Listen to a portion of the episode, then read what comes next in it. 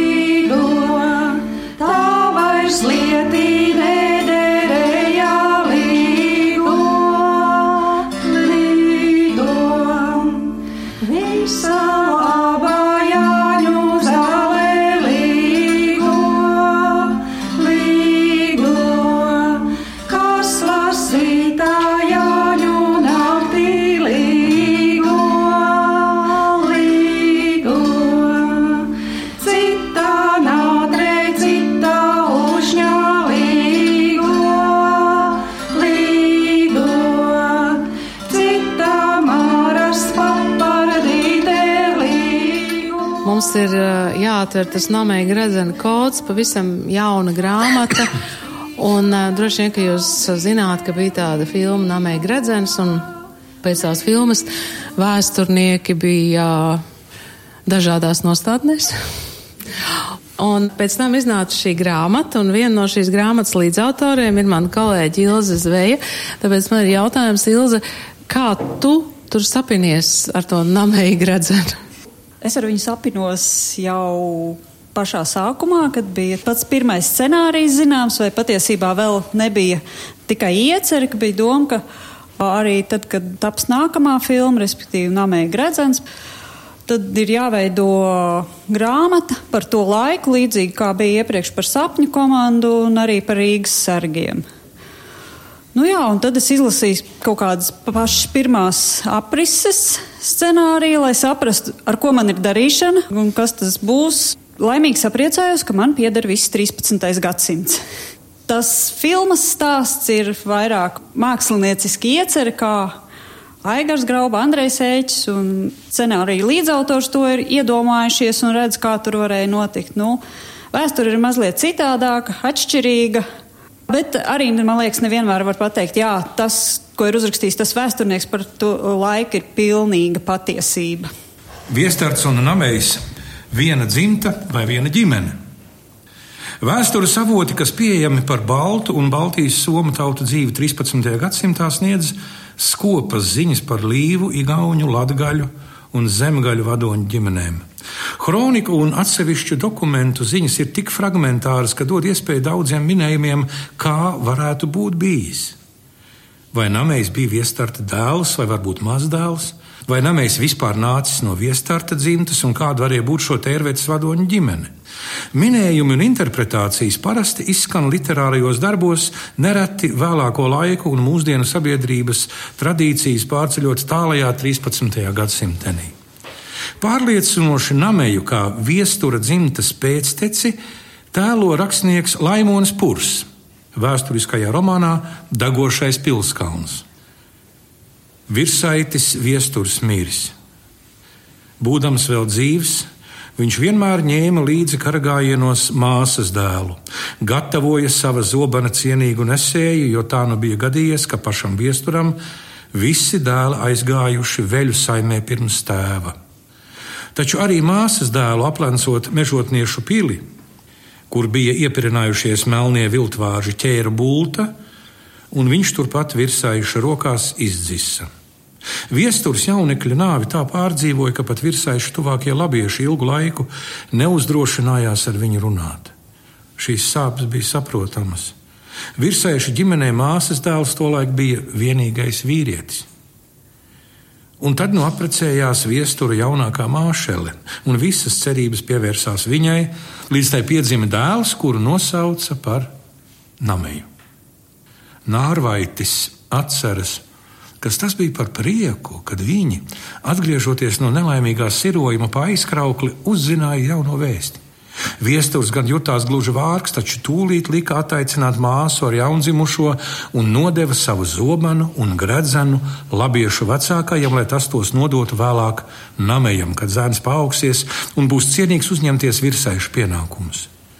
Viesturs gan vēl savārga dažu labu gadu, un tomēr namējam nebija pilnas pirmās desmit vasaras, kad veļi aizsauca zemgaļu virsaiti pie sevis. Savā ziņā kopējā versija šim vēstures posmam veltītajos darbos ir stāsts par to, ka visi viestura dēli mūžībā aizgājuši vēl pirms tēva. Iespējams, šo versiju attīstīt ļauj Indriča kronikā minētais Nu, viestarts Citu par tērveti sauktā kaimiņu novada zemgaļu vecākais, uzzinājis par mežotniešu pievēršanu ticībai, savāca karaspēku no visas savas zemes un lauzdams mieru, ieradās pie pils un cīnījās ar vāciešiem veselu dienu, un viņi sanesa kaudzi koku un aizdedzināja to, un cīnījās ļoti drosmīgi, tomēr pili ieņemt nespēja un ar bultu tika nogalināts viestārda māsas dēls. Tur redzēdams viestārds noskuma un ar savu karaspēku tūdaļ atkāpās no pilsētas.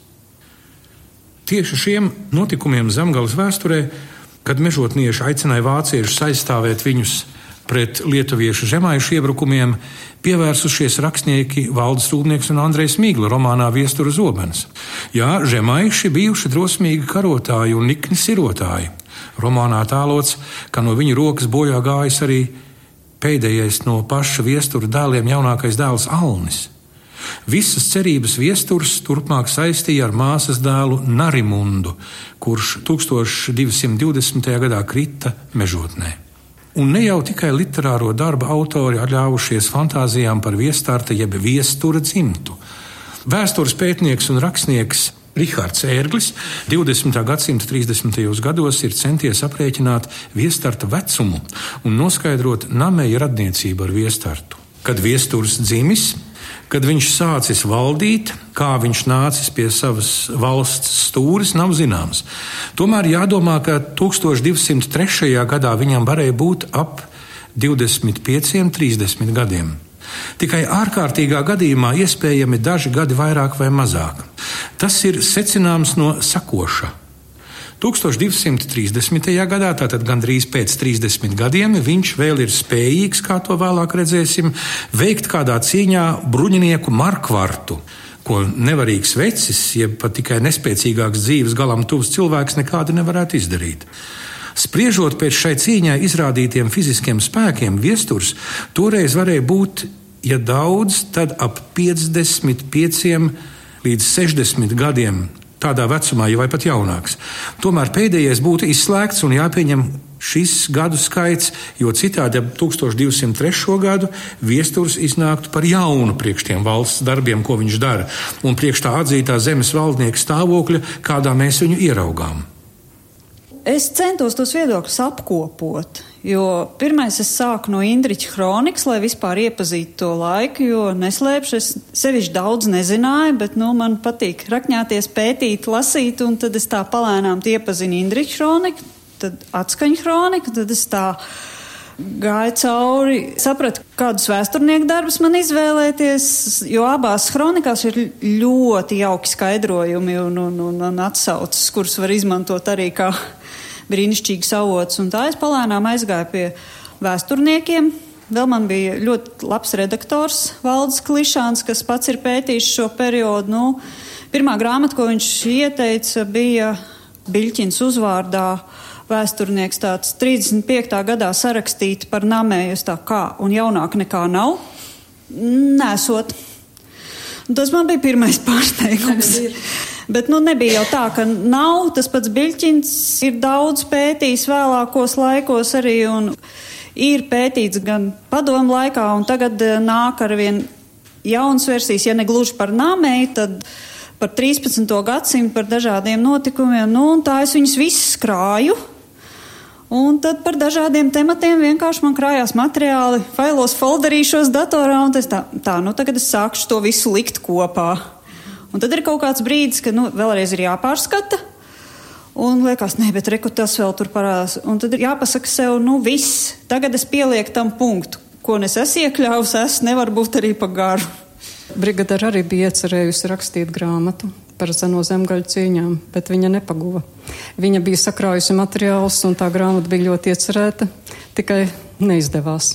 Nu, lūk, bet viņa ir mums atstājusi citas lietas, un nevelti man te ir izlasa, un viņa ir daudz ko rakstījusi. Ir rakstījusi dzēju, ir rakstījusi publicistiku, protams, triloģiju, bet ir rakstījusi arī vēstules, ko viņa raksta grāmatas devējiem Jānim Rapam. 1914. gada 30. maijā manu dārgo draugu. Zaļais dzīvais ceļš, kas noslēpumaini ielokās mežā, brūnā, viļņojošā rudzudrūva, dzeltenā pļāva.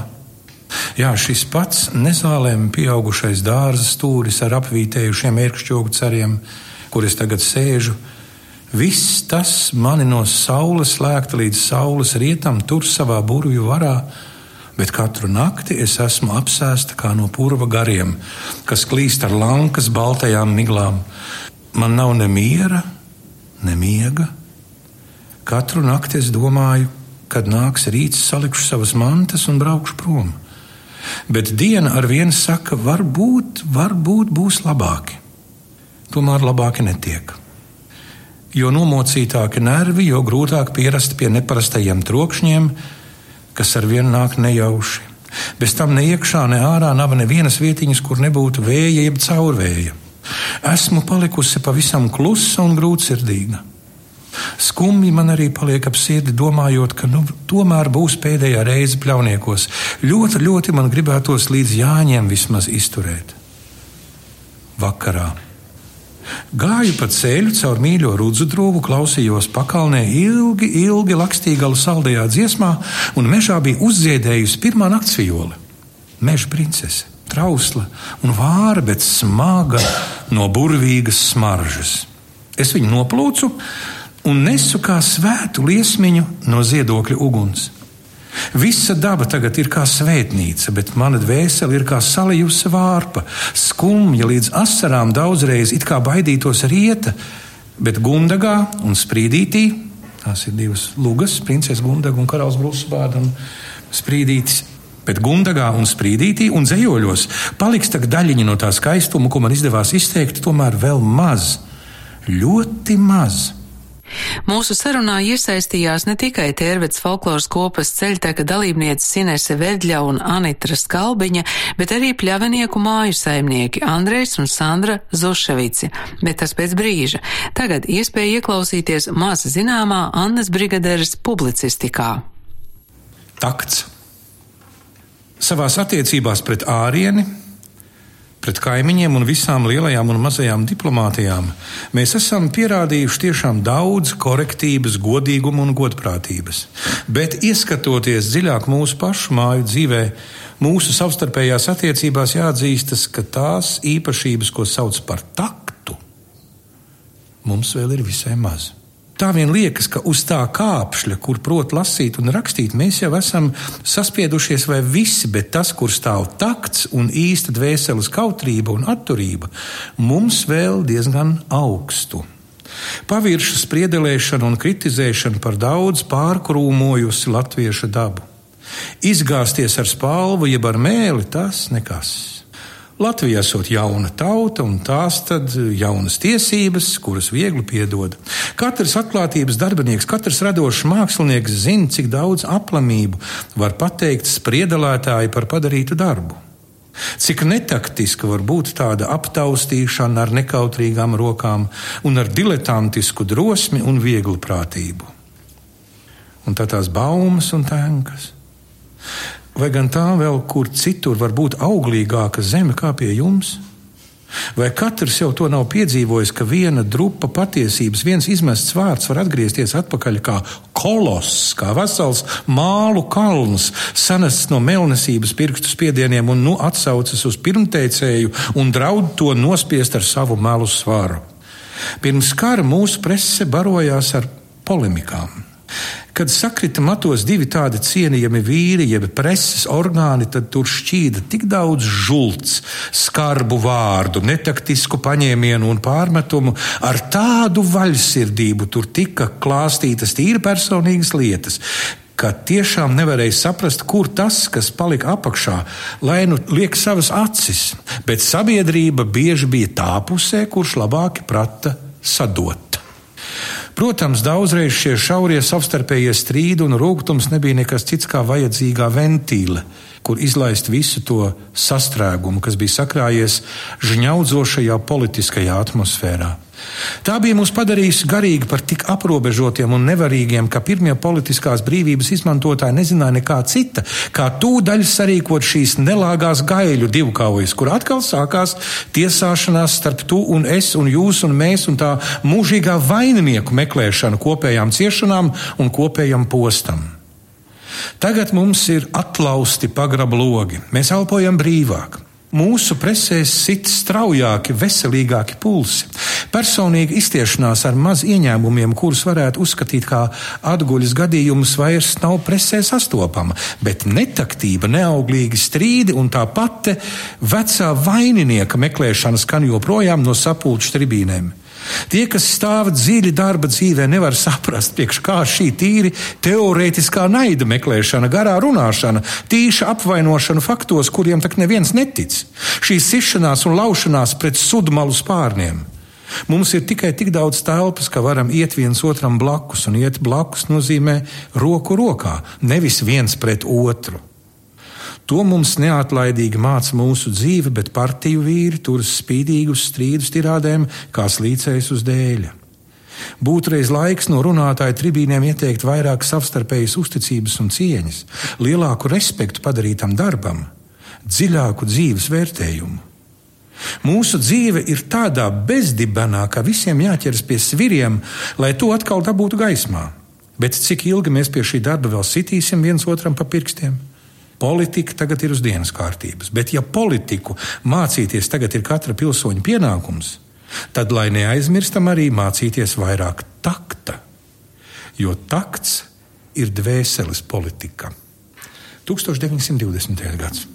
Nu, mēs esam māju saimnieki, un Andrejs ir māju mantotājs un arī brigaderes asiņu mantotājs un nāk no šīs dzimtas. Es teikšu tā, ka katram māksliniekam, un es Ānu Brigaderi uzskatu vispirms kā ļoti izcilu mākslinieci, viņai ir kaut kāda absolūtā sajūta, ja mēs runājam par absolūto krāsu redzēšanu, par absolūto muzikālo dzirdi, tad viņai ir tā absolūtā dzīves sajušana. Jūs redziet, ir pagājuši gandrīz simts gadi. Un to, ko viņa tur tik jūtīgi ir uztvērusi, mēs lasām un saprotam, to var laist rīt par rādio. Un ar katru mākslinieku, ja mēs kādu mīlam, vai tā ir dzēja, vai tā ir rakstniecība, vai glezniecība, mums izveidojas personīgas attiecības. Un tā personīgā sajūta to cilvēku padara dzīvu. Un Anna Brigadere man šķiet tik dzīva, ka lasot viņas darbus un ejot pa tām takām, es viņu tur garā redzu. Un es saprotu, ka viņa ir tāda kvantu fiziķe, ka viņa to laiku ir saspiedusi. Laika nav. Viņa ir tepat. Viņa tepat ir un viņa var just. Tikai vajag veidot tās personīgās attiecības. Un to es mums visiem novēlu. Radio mazā lasītava tervetē saņēma apliecinājumu, ka ne tikai bērniem, bet arī pieaugušajiem joprojām patīk, ja viņiem lasa priekšā. Bet kas to lai zina, varbūt šo jautājumu mums uzdeva kāds nākotnes rakstnieks. Jautājums, kādā laikā var uzrakstīt šitādu biezu grāmatu? Man tas paņēma kādus trīs ar pus gadus. No paša tāda pirmā līdz, nu tad ir gatavs. Redz, lai uzrakstītu tādu grāmatu, ir jāizlasa vēl desmit tikpat biezas grāmatas, citas pirms tam. Un tad iznāk 11. Lasīt var ne tikai gultā vai sēžot ērtā dīvānā, grāmatu var ņemt līdzi arī ceļā. Radio mazā lasītava ceļo sadarbībā ar Borisa un Ināras Teterevu fondu.